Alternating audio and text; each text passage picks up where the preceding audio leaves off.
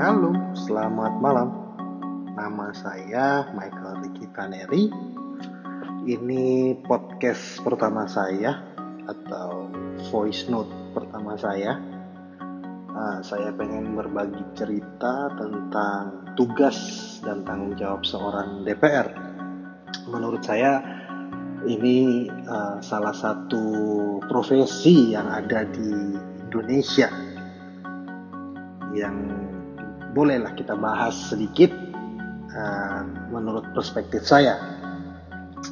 Jadi bila kita berbicara tentang tugas dan tanggung jawab DPR, maka kita berbicara akan tiga hal.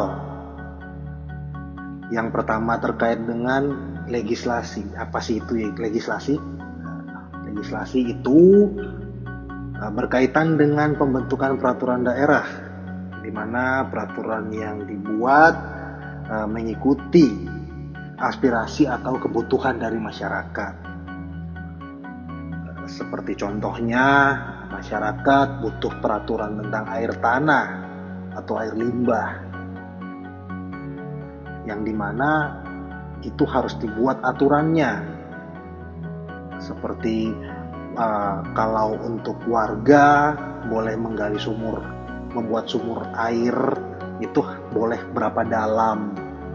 Seperti itu. Ataupun ada perusahaan-perusahaan apakah dia boleh membuang limbahnya ke gorong-gorong yang tersedia di depan sedangkan banyak warga yang tinggal di situ kurang lebih seperti itu. Itu salah satu fungsi DPR untuk membuat peraturan-peraturan daerah atau undang-undang kalau dalam versi DPR RI. Ataupun kita berbicara tentang pembentukan BUMD atau BUMN lah kalau bicara soal negara. Badan usaha milik daerah kita berbicara tentang uh, air bersih, kita bicara tentang yang pengelola pasar dan segala macam itu harus dilakukan legislasi.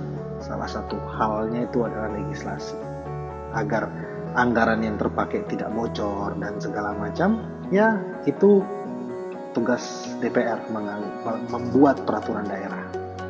Dan yang kedua, tugas salah satu tugas DPR itu adalah terkait dengan anggaran. Apa sih yang dimaksud anggaran itu?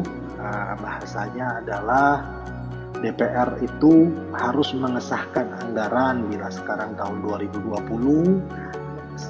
harus dibuat dan diatur anggaran untuk 2021. 2021 daerah ini mau belanja apa sih? Programnya apa aja sih?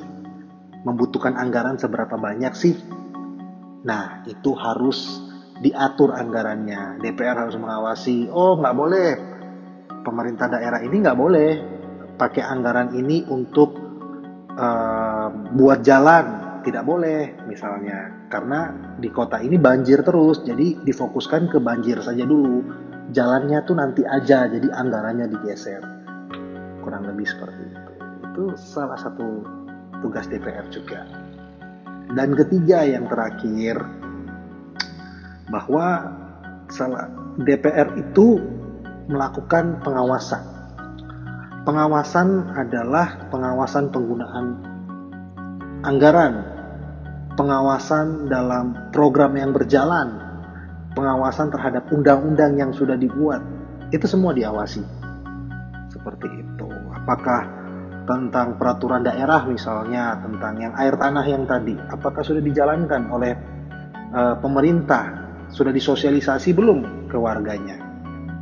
Ataupun bicara tentang pengawasan anggaran dan program, bila di tahun 2020 menganggarkan anggaran untuk 2021 sehingga di tahun 2021-nya para DPR itu harus mengawasi yang disahkan di 2020 program dan anggarannya itu apakah sudah berjalan di 2021 jangan sampai yang dianggarkan di 2020 itu program A, B, C, D tetapi begitu di 2021 yang dijalankan itu adalah uh, FGH misalnya seperti itu. Jadi dua hal yang berbeda seperti itu. Dan menurut hemat saya, menurut pengalaman saya dan menurut pandangan saya, tugas DPR itu bukan cuma tiga. Itu saja yang tadi kita bicarakan, yang saya jelaskan. Ada satu tugas lagi yang sebenarnya tidak tertulis. Kalau tugas tiga tadi kan jelas itu dilindungi dengan undang-undang.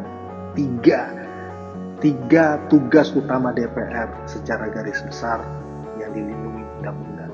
Tapi ada satu lagi yang menurut saya uh, tugas salah satu tugas utama DPR yaitu adalah menjadi tokoh terdepan dalam menjaga kestabilitas dan pemersatu bangsa.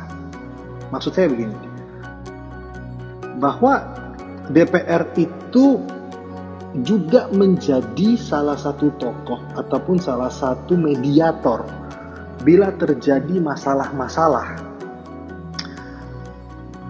Saat terjadi kerusuhan, DPR harus turun ke basisnya ataupun warga-warganya untuk menjelaskan atau menengahi permasalahan. Di mana uh, masalah yang kita tahu itu banyak dan tiap hari bermasalah. Masalah masa misalnya. Kita berbicara tentang hal kesalahpahaman terjadi di belakangan hari bahwa tentang masalah sara, masalah keselip berbicara seperti itu itu berdampak besar di negara ini gitu. Nah, karena berdampak besar ini ada pergerakan yang tidak terima sehingga harus diklarifikasi. Tetapi mungkin mereka tidak mendapatkan jalan keluar, tidak dapatkan informasi sehingga terjadi uh, pergerakan massa atau keamanan yang berlebihan hanya gara-gara informasi yang tidak benar dari media seperti itu. Itu tugas DPR mesti datang dari rumah ke rumah, buat pertemuan, jelaskan baik-baik bahwa ini keadaannya seperti ini. Sampai masalah pribadi, misalnya ada orang laki-laki bermasalah sama perempuan dan tiba-tiba uh, masalah anak dan segala macam. Terkadang mereka tidak pergi ke kantor polisi, mereka pergi ke anggota DPR yang mungkin mereka merasa bahwa oh ini adalah ayah dari kami atau mungkin ini adalah orang yang kami percayai dan harus menyelesaikan masalah-masalah seperti itu. Di mana tugas DPR yang satu ini menurut hemat saya adalah yang paling susah melayani masyarakat dengan sebanyak sekali masalah, pemikiran, pandangan 24 jam. Kapan pun jam 3 pagi, jam 4 pagi itu harus bangun, harus menyelesaikan.